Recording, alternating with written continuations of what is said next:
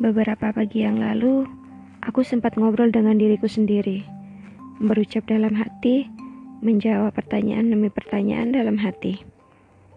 Kesannya memang sangat menggelikan, tapi dengan begitu, tahu tidak, justru aku bisa berbicara dengan diriku sendiri, mencintainya, dan berusaha untuk meyakinkan diri bahwa aku kuat. Aku berbicara soal takdir, serta apa pun yang didapatkan manusia kala itu. Seorang wanita yang akrab kusebutnya sebagai sahabatku sejak aku duduk di bangku SMK. Sedikit cerita tentang dia. Dia berasal dari suku Madura. Dia memiliki tinggi yang sangat bagus, kulit yang sangat eksotis.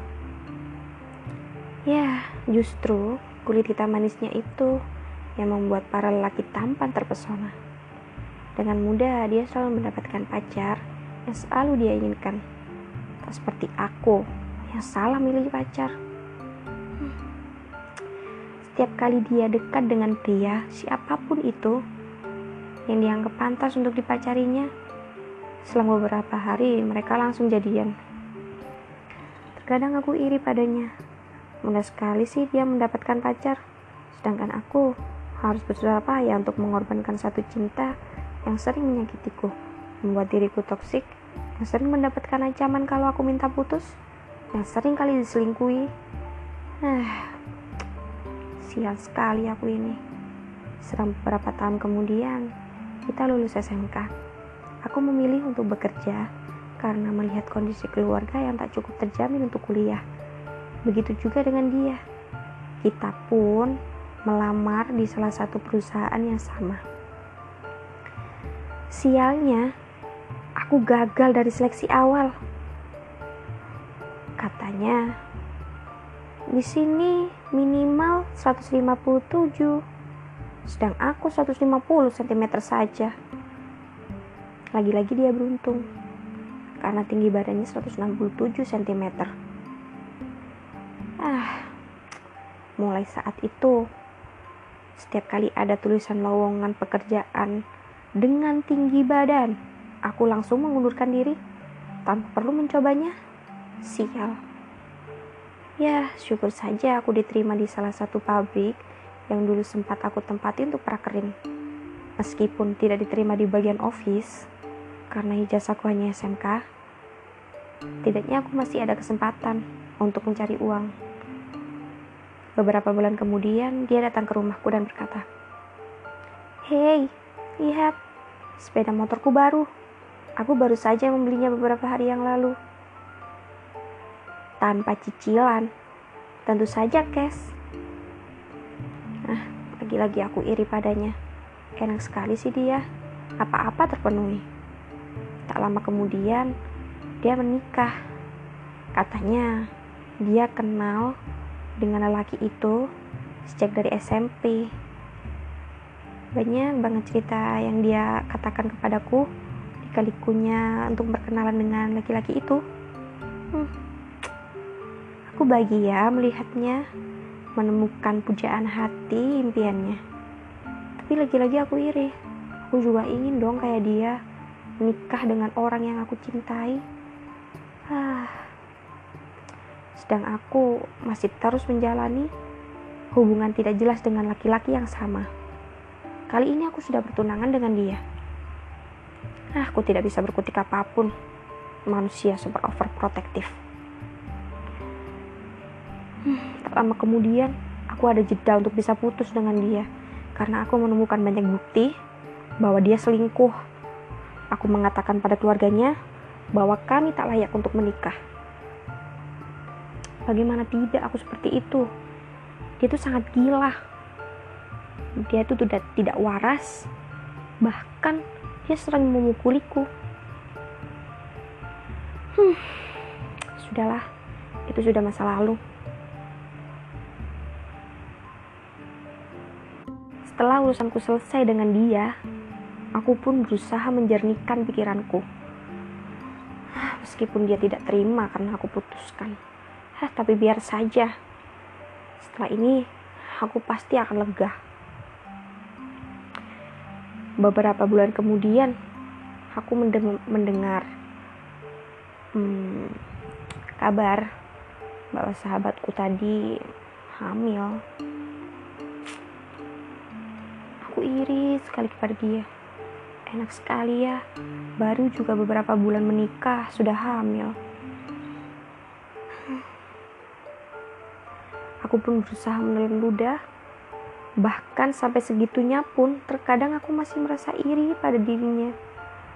Setelah dia melahirkan seorang bayi laki-laki tampan, aku mengelus dan menggendongnya. Aku berkata, semoga saja aku segera menikah dan punya anak seperti ini. Bahagia sekali sih. Hari demi hari aku lewati sembari berdoa pada Tuhan. Ya Tuhan, aku ingin jodoh yang tampan, yang sabar, penyayang, tidak seperti mantanku. Aku berdoa sambil menangis sepanjang malam. Terang saja, beberapa bulan berlalu, Aku pun dikenalkan dengan kakakku, seorang laki-laki yang sangat baik. Namanya Mas Faris. Usianya jauh lebih tua daripada aku, lima tahun lebih tua daripada diriku. Tak lama kali saling kenal, dia memintaku untuk menjadi istrinya. Ya, pertemuan itu sungguh luar biasa sih, meskipun tidak disengaja, karena saat itu Aku iseng-iseng sama kakakku ngover-ngover lagu. Eh, dia datang. Dia tuh orangnya lucu, menggemaskan, dan orang yang sangat sabar. Setelah itu, kami memutuskan untuk menikah. Betapa bahagianya aku menikah dengan dirinya. Dia tuh sangat sabar, telaten dengan diriku. Ah, pokoknya super super super deh. Sampai saat itu datang. Ibuku sakit. Kata orang pintar ibuku diguna-guna oleh mantanku. Ih kenapa sih dia tidak anti-intinya musik hidupku? Bahkan sampai aku harus kehilangan ibuku hmm, kau tahu gara-gara itu ayahku akhirnya membenciku. Aku bahkan sampai lupa kapan ayah mengajakku bicara. Sejak kejadian itu, lama sekali ayah membenciku. Ah, mungkin sekitar satu tahun. Tapi entah ada angin apa, tiba-tiba dia mulai menegurku lagi. Dia mulai mengajakku bicara. Tapi meskipun keadaan tidak sebaik dulu, setidaknya aku masih bisa berbicara dengan ayah. Pernikahanku dan Mas Faris sudah dikatakan sangat lama, tapi sampai detik ini, hah, tak pernah muncul seorang anak dalam rahimku. Enak sekali ya jadi temanku.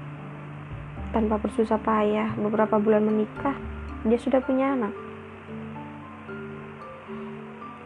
Kiranya aku selalu mengeluh mungkin, makanya tak diberi anak oleh Tuhan. Singkat cerita, beberapa pekan berlalu, aku mendengar kabar darinya.